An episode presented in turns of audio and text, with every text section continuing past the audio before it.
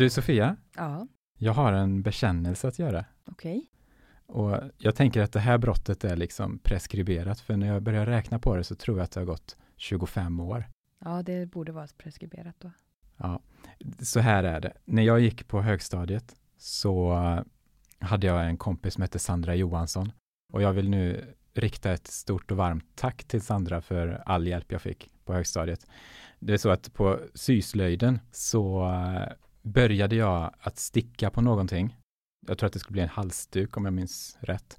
Och sen så spelade jag kort med polarna istället. Och sen så sa jag till fröken, du jag tar med mig det här hem och stickar färdigt det.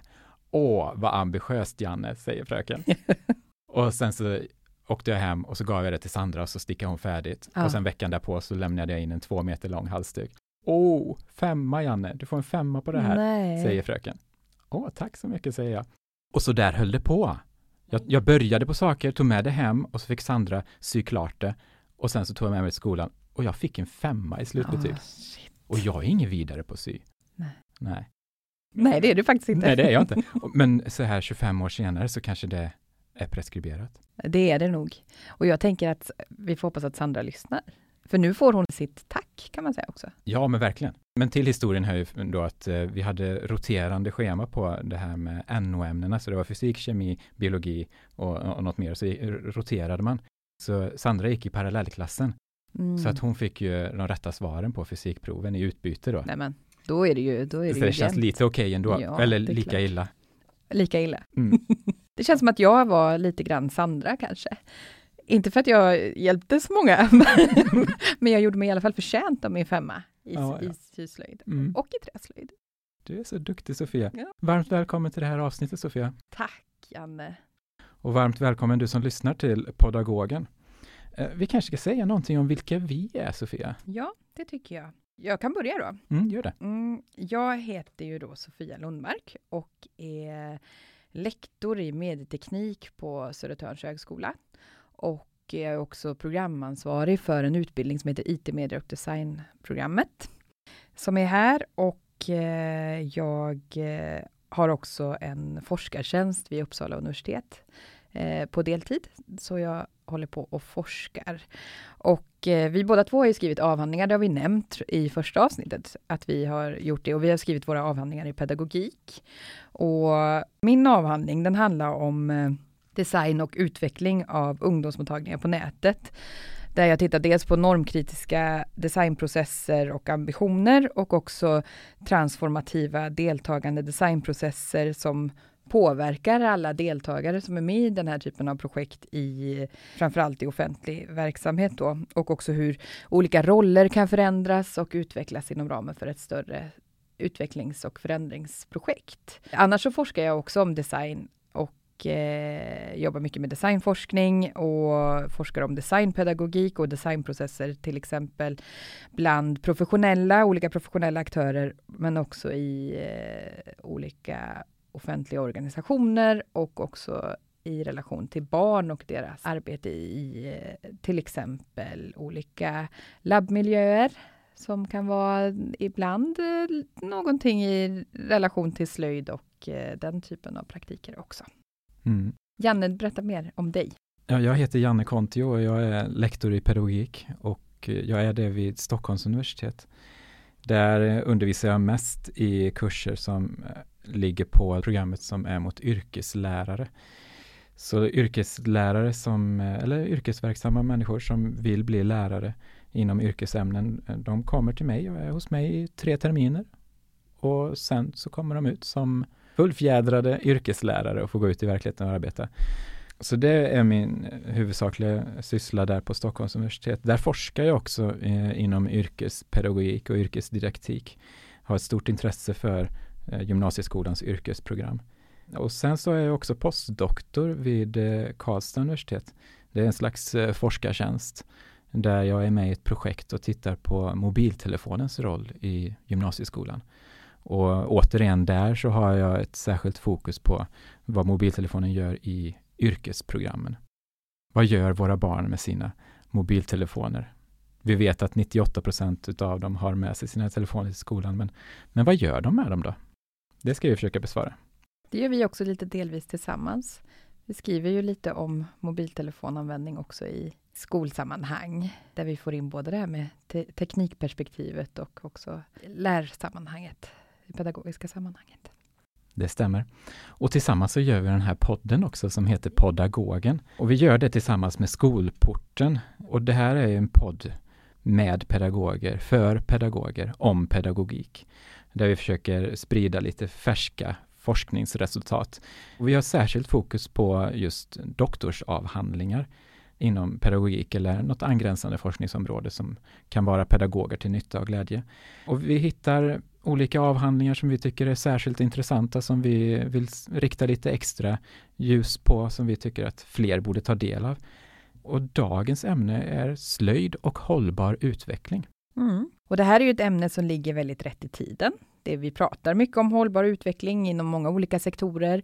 Och slöjdämnet är ju också en pågående debatt, eller har varit nu ett tag, inom skolforskning och eller inom skoldebatten kanske framför allt. Det ligger också rätt i tiden med Greta Thunberg-effekter och klimatförändringar och att också tala om återbruksprojekt och om hur vi ska hushålla med våra resurser. Det är ett ständigt aktuellt område. Ja, verkligen. Och vad är, vad är, du för en slags person, Sofia? Är du en sån där som lappar och lagar kläder hemma? Och vad har du för relation till slöjd och second hand och återbruksprojekt? Mm. Jag skulle ju önska nu att jag kunde säga att jag lappar och lagar mycket. Det gör jag inte. Det, det gör jag inte. Och det är väldigt synd.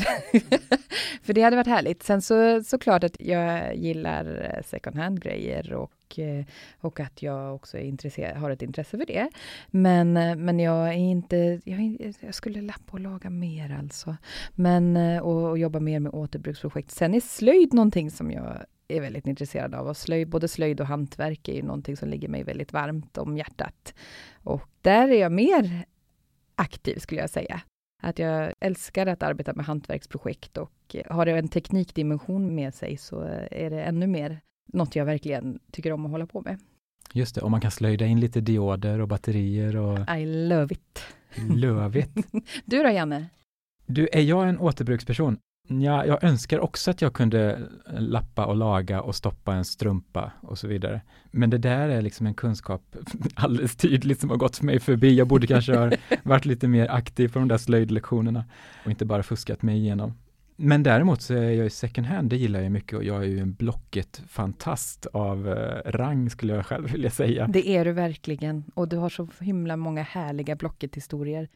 Ja, det, det, det, där skulle kunna vara ett poddavsnitt med bara Blocket-historier. Nej, men skämt åsido, anledningen till att vi pratar om just uh, slöjd och uh, miljöaspekter utav slöjd, det är för att vi har träffat en forskare som har studerat det här med slöjdundervisning. Mm. Hon heter Hanna Hoverberg och hon bor i Malmö, men hon skrev sin avhandling vid Uppsala universitet. Så vi åkte ner till Malmö och pratade med henne om hennes forskning. Och så här lät det. Kul att du vill vara med på det här. Jätteroligt. Uh, Hanna Hoveberg, du har skrivit en avhandling som heter Craft and Sustainable Development Studies of Teaching and Learning Craft in Environmental and Sustainability Education. Känner du igen titeln? Den är väldigt lång, vi brukar kalla den bara för Crafting Sustainable Development. Ja, jag förstår. Men hur kommer det sig att du blev intresserad av det här ämnet? Bra fråga. Eh, textilier och sömnad och sånt slöjd kan man säga, har jag alltid varit intresserad av. Jag eh, utbildade mig till textillärare. Och när jag väl gick min eh, textillärarutbildning så insåg jag att jag, jag tyckte det var väldigt intressant med didaktik just. Liksom var, varför ska man lära sig virka idag? Eller varför inte? Varför det här innehållet? Varför liksom? Så där väcktes det ett eh, didaktiskt intresse hos mig. Och sen när jag skulle skriva min examensuppsats, sista terminen på, på lärarutbildningen, så var jag väldigt, jag var lite less och ville hitta på något annat också. Så då sökte jag något som heter MFS-stipendium, det är Sida som delar ut. Och för att få det stipendiet så behövde man skriva om utbildning och hållbar utveckling. Och då kom jag liksom in på de här hållbarhetsfrågorna. Så det gjorde jag i min examensuppsats då. Då skrev jag om ett vävarfolk nere i Etiopien, hur de lär sig och väva och vad det har, liksom, om undervisning och lärande där. Och sen eh, fortsatte jag sen att läsa en master i didaktik på det här temat. Och efter det sen så sökte jag en doktorandtjänst på också det här temat. Så, att, så är det. Mm. Så är det. Och den långa titeln som avhandlingen har avslöjar ju att det handlar om just hållbar utveckling och slöjd. Vill du säga något mer om titeln? Vad, vad kan vi lära oss mer av titeln? Ja, den korta titeln avslöjar crafting då, det är det begreppet som jag, eftersom jag skriver den på engelska. Alltså att slöjda en hållbar utveckling skulle man ju väl kunna översätta den med. Sen det här environmental and sustainability education, det är det forskningsfält som jag skriver emot. Och så gör jag, kan man säga, sådana här case studies i skolämnet slöjd. Och det jag intresserar mig för är just teaching and learning, alltså didaktik, undervisning och lärande. Så jag har liksom tre ben som jag står på här och som jag försöker hantera i avhandlingen. Undervisning och lärande, slöjdande och hur det blir en fråga om hållbar utveckling. Ja, för den heter ju Studies of Teaching and Learning. Vem och vad har du studerat och hur? Alltså det jag har gjort är att om vi nu tänker oss att slöjdande ska behandla frågan om utbildning och hållbar utveckling. Vad skulle det kunna vara? Vad är ett möjligt innehåll kring det? Det är där som jag börjar min avhandling. Och det är med den första artikeln som på något sätt tar tag i den frågan. Eh, sen är jag liksom också intresserad av själva liksom lärandeprocessen. Vad gör elever och lärare när de undervisar och lär sig om detta? Så då zoomar jag in på själva liksom Ja men pilen mellan till exempel i ett återbruksprojekt. Om vi har ett par jeans så ska de bli en kudde. Vad händer däremellan om man tänker sig en pil mellan de två? Så det är liksom, hur sker det här? Sen är det i, i det här forskningsfältet så är det liksom en ganska stor diskussion kring hur vi människor lever och hur vi hanterar material och relationen mellan människa och material på olika sätt. Så då har jag också försökt att studera vad materialet gör i slöjdandet och så öppnar jag upp för, för det som en empirisk fråga. Så det är min tredje forskningsfråga. Om vi då går in i din avhandling och tittar lite så ser vi att i den första delstudien så tittar du på texter från tre olika tidsepoker under det senaste århundradet och du tittar på sammanlagt sju olika hantverksrörelser. Vad kan du se för utveckling i de olika texterna i förhållande till just hållbarhet? Mm, intressant fråga. En tanke som jag hade med att välja just den här tidsperioden först är att det händer någonting efter att liksom, Glenn Adamson har skrivit en bok som heter The Invention of Craft och menar att craft som begrepp kommer till där i slutet av 1800-talet. Och då menar han ju inte att craft kommer till då, att det inte har funnits, utan det är först då som craft blir någonting annat man kan se, alltså på grund av att maskinen kommer in, alltså industrialismen och så, så, så kan vi börja prata om liksom craft som någonting, som handens arbete eller så. Och därför tycker jag att det är en ganska spännande tid. Och här har också så här, Arts and Crafts-rörelsen kommer in och det är också i början på 1900-talet som slöjdämnet i skolan kommer in. Så för mig att börja i den tiden och sen till idag var en intressant tid. Alltså vad har hänt här? Idealen har ju förstås förändrats under de här nedslagen som du kan se då. Förstås. Ja, och de gör också motstånd mot olika saker, vilket är någonting som jag inte egentligen diskuterar, utan jag är intresserad av vad, vad skulle kunna vara ett möjligt innehåll. Sen finns det ju såklart andra, om jag hade liksom breddat ännu mer, jag hade kunnat skriva en avhandling om bara det här. Men det ger ett möjligt innehåll och en sak som jag tycker är intressant är att alla lyfter att det har någonting med den människan att göra, glädjen över att kunna, att kunna slöjda och så. Vilket innebär att alla har den här kroppsliga erfarenheten. Men vad den riktar sig mot, alltså glädjen över, vad, vad är det man blir glad över om man ska säga. Det är olika saker som riktar sig mot olika hållbarhetsmål om man så vill. Och det tycker jag är intressant. Och det, det får ju en konsekvens till exempel om vi ska undervisa om slöjdande. Att Eh, ibland säger jag men det är så roligt att slöjda. Ja, men vad är det vi uppmärksammar i det mötet? Är det att, att kunna göra en hel, alltså från en idé till en tanke till en färdig produkt och att man kan hantera hela processen? Eller är det att få vara kreativ? Eller är det att eh, lära sig göra exakt rätt? Eller, ja, det finns massa sådana olika.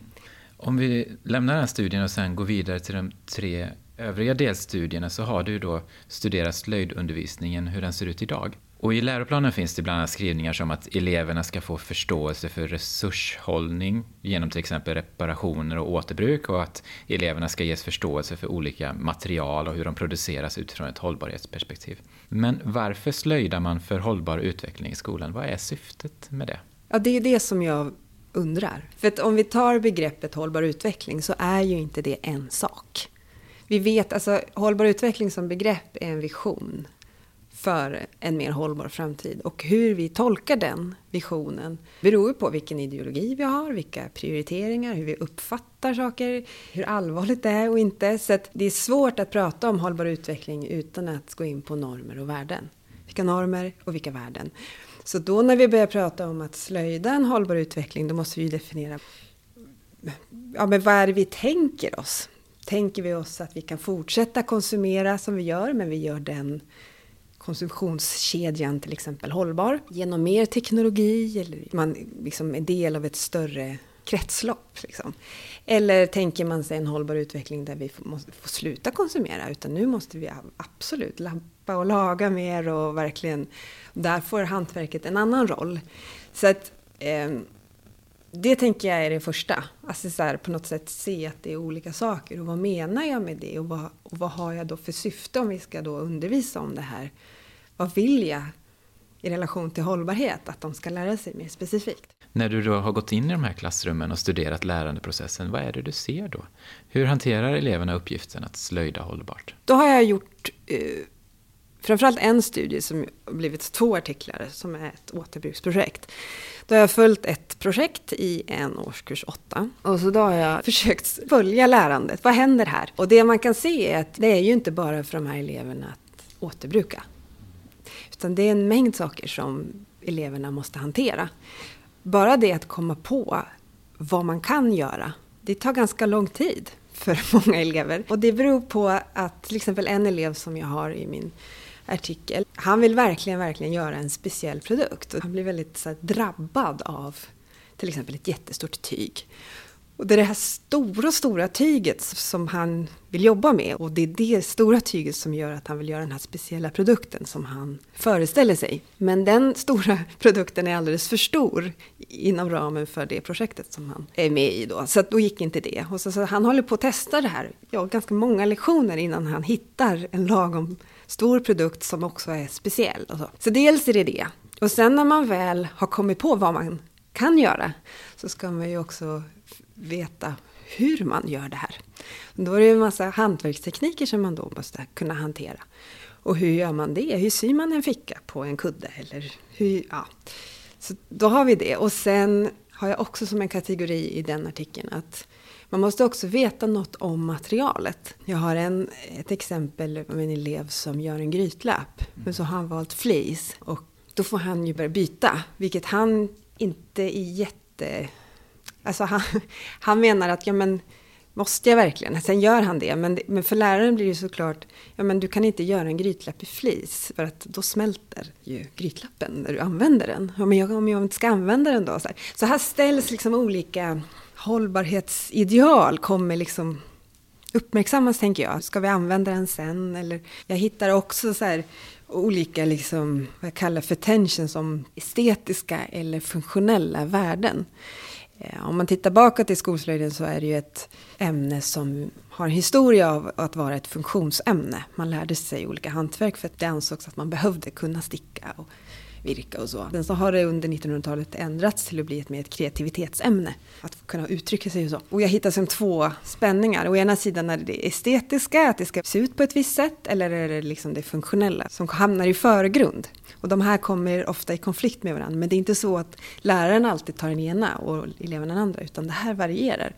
Så då kan jag diskutera det som jag kallar för en living breathing tradition. Att de här hamnar hela tiden i en spänning på något sätt. Och den andra spänningen är vilken pedagogik som man Alltså å ena sidan så är det ett... Oftast tänker jag så här att återbruksprojekt hanteras som ett kreativt ämne. Det är roligt att få återbruka, vi kan komma på nya saker. Och att man, också idén är, som jag har följt i den här artikeln, är att just komma på vad man kan göra och att det liksom syftar till att få vara kreativ. Sen finns det ju baserat på beprövad erfarenhet vissa saker som så här gör man bäst för att det ska bli hållbart. Så då hamnar de här också i konflikt med varandra lite grann. Eller det blir, finns en spänning. De behöver inte bli i konflikt men de finns där. Det blir olika pedagogiker kring det. Om du ska lära dig sy en ficka på ett specifikt sätt, då är det liksom en expertpedagogik. Så här gör man. Och då behöver man inte komma på hur man ska göra som elev. Medan om det handlar om att vara kreativ, ja då är det den delen som att få vara kreativ som, som präglar pedagogiken och också att kanske ska bedömas efter det. Det är det som är min poäng också. Att vad är det för primärt syfte som vi har? Om vi fördjupar oss lite i det här förhållandet mellan slöjdande och kreativitet just. Mm.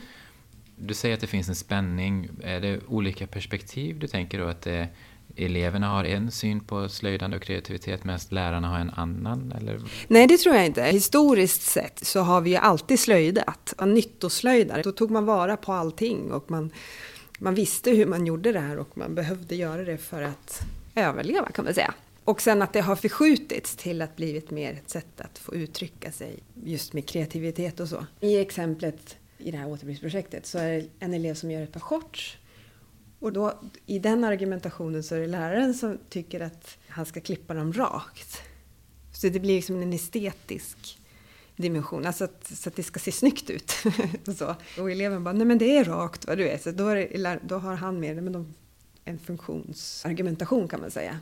Medan i de andra exemplen, till exempel det här med grytlappen, då, man skulle kunna hävda att man kan göra en grytlapp i flis för att den är fin och har ett estetiskt värde. Men då argumenterar läraren för ett funktionellt värde. Så att jag tänker mig inte att det ena är det andra. Jag tror att de här båda aspekterna finns hela tiden med. Men det gäller att uppmärksamma vad är det vi undervisar om och vad hamnar i förgrund. När jag läser din avhandling så ser jag att det framstår en skillnad mellan produkt och process i arbetet med hållbar utveckling. Skulle du vilja säga någonting mer om det?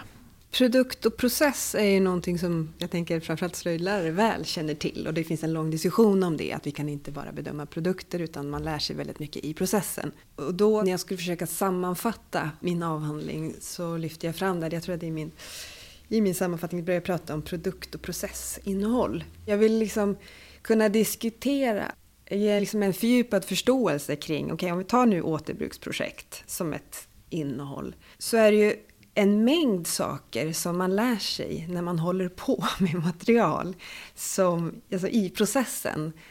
Utöver det som produkten också blir. Alltså att även om man gör en flisgrytlapp så har du lärt dig en mängd saker i processen och det är ett sätt att kunna öppna upp för det. Som att flis smälter när det blir varmt. Skulle det kunna vara en sån sak som man lär sig i processen? Ja, om man iscensätter det. Den här eleven lär sig nog inte det eftersom det är ju bara någonting som läraren säger. Eller det är ju inte så bara i och för sig. Men jag tänker mig mer andra saker, typ som att men man kan ju till exempel lära sig vara kreativ. Även om man inte gör då det som man har tänkt.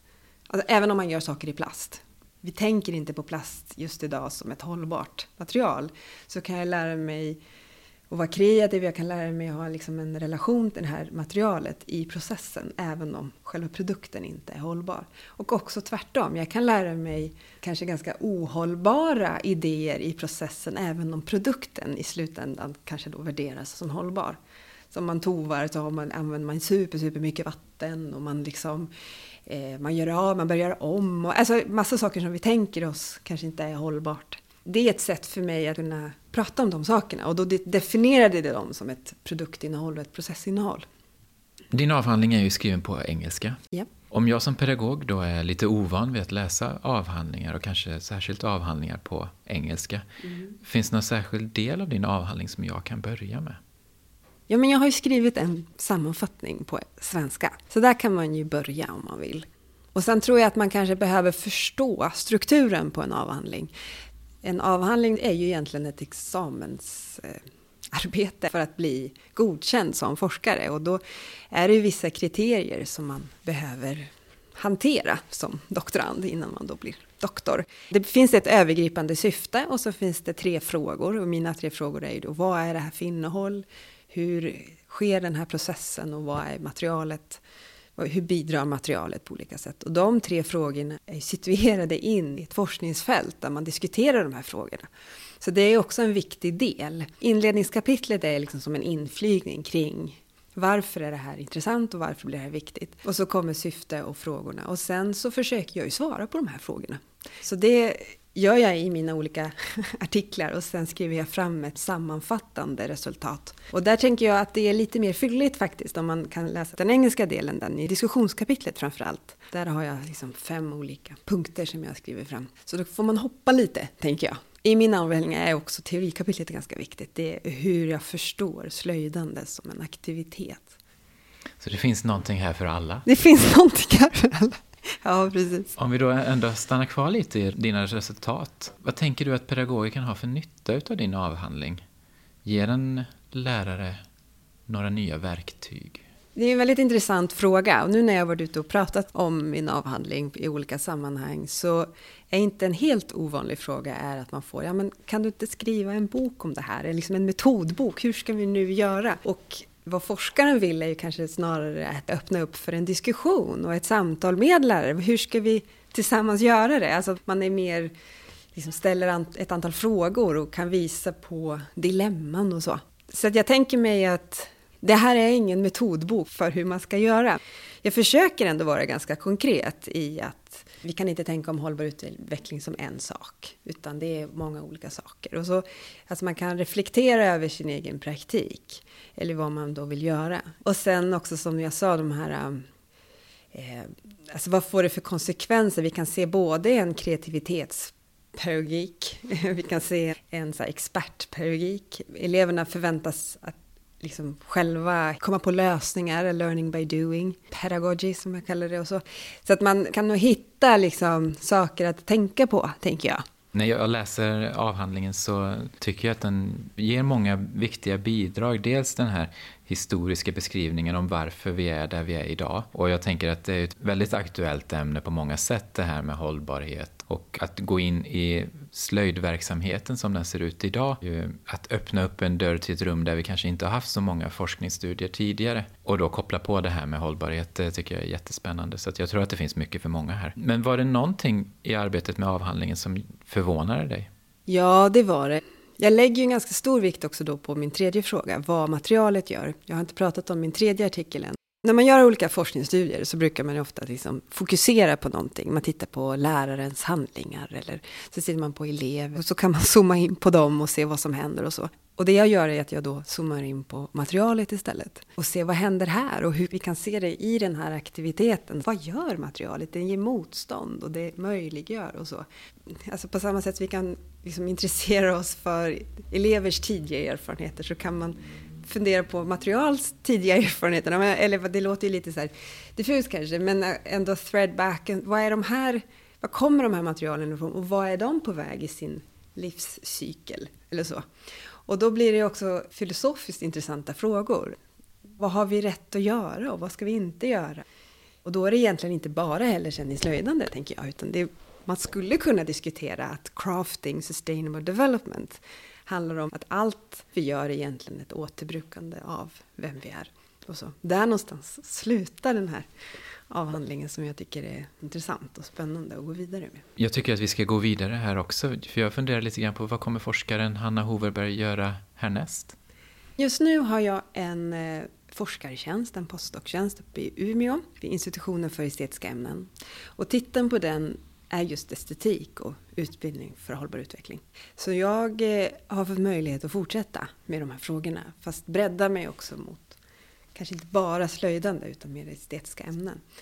Och här tänker jag att det finns väldigt mycket att göra och jag tror att de estetiska ämnena just när det gäller hållbarhetsfrågor har mycket att bidra med men inte bara liksom som ett rent instrumentellt sätt att de ska bidra till det och det. Något som är viktigt i en slöjdande process eller en estetisk process det är att man inte alltid vet svaret. Man vet inte var man är på väg men det handlar också om att våga vara i det att kunna hantera sig själv i att inte veta. Eller så. Och det var där jag också slutade i min doktorandprocess i de här frågorna. Sen så behöver en avhandling bli klar, så då sätter man ner pennan och gör en punkt. Men det håller jag på med nu och skriver om och, eh, och tar de här frågorna vidare.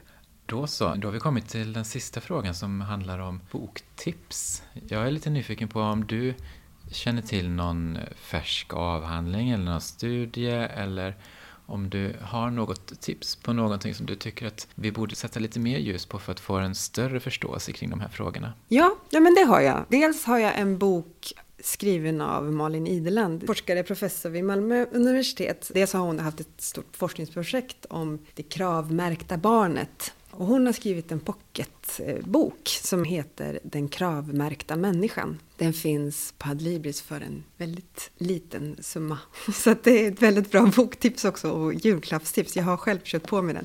Det som hon gör i den är att hon beskriver liksom också att med vissa ideal kommer också vissa, liksom, man förväntas vara på ett visst sätt. Så här blir du en hållbar elev. Och då innesluter det vissa handlingar och utesluter andra. Och så sätter hon luppen på det. Jättebra bok tycker jag. Sen finns det en annan bok som inte är riktigt lika färsk.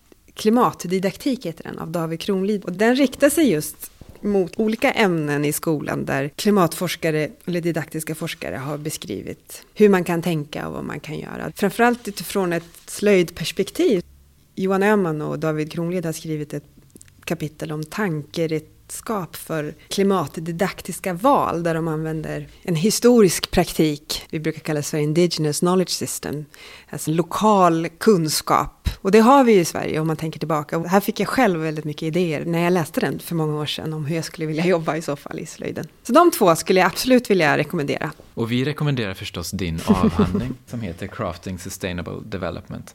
Och med det så tackar vi för den här intervjun, Hanna. Stort tack! Stort tack för att jag fick vara med. Ja, tack för det här.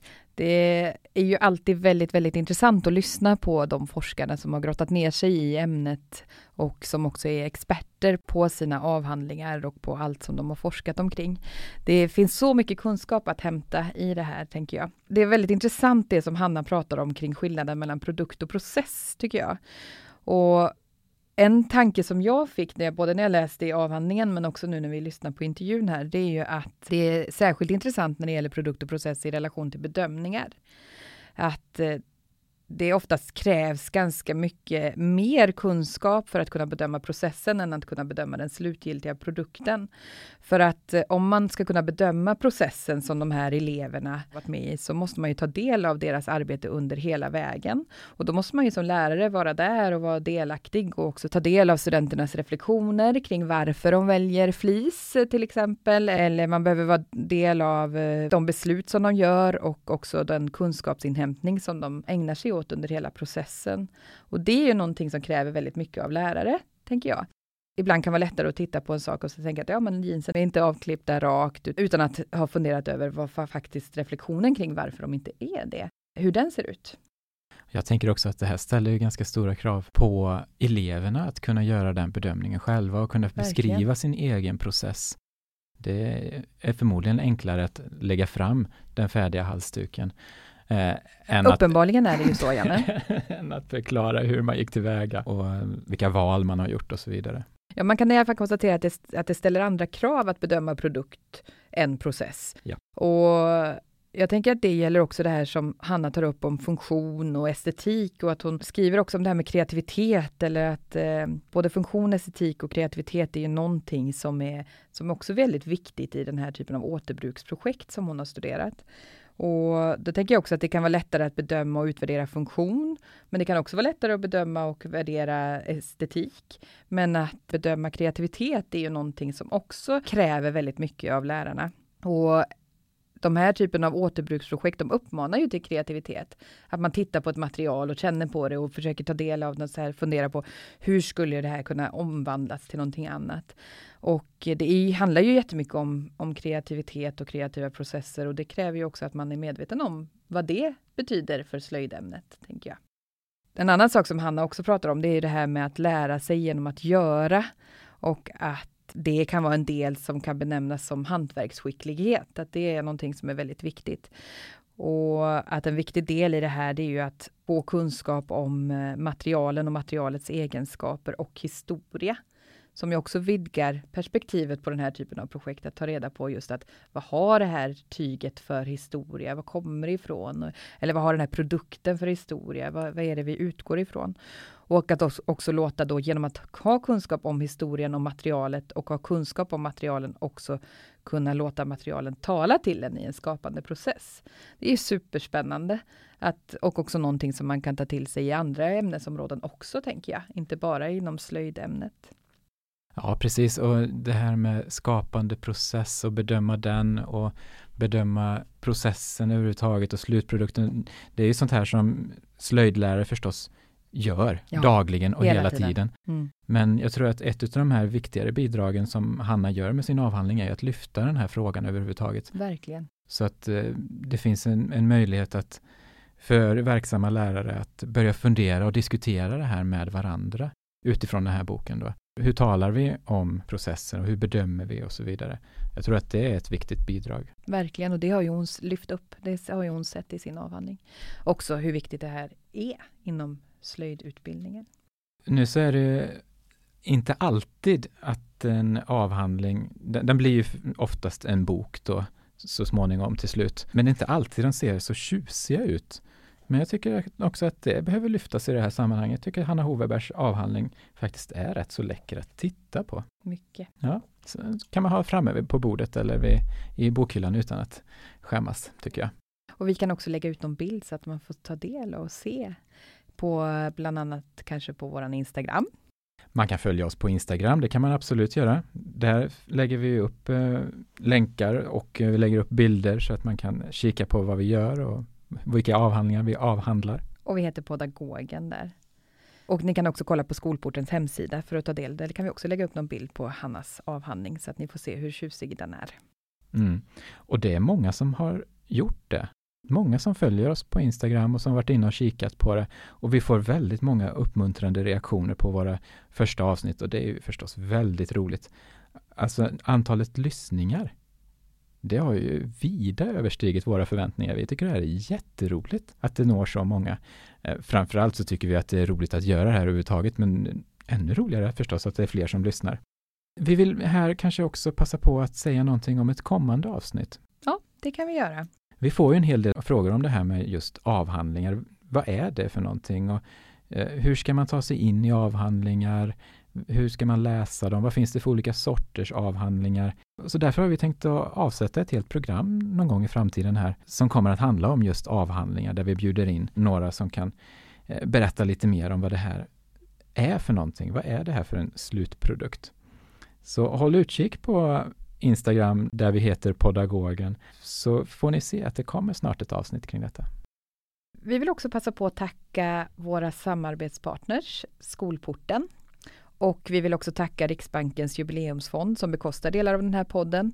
Vi vill tacka våra inspelningstekniker Isabella Jös och Daphne Törn och eh, MT Talks och SO Medieproduktion som är med och producerar det här.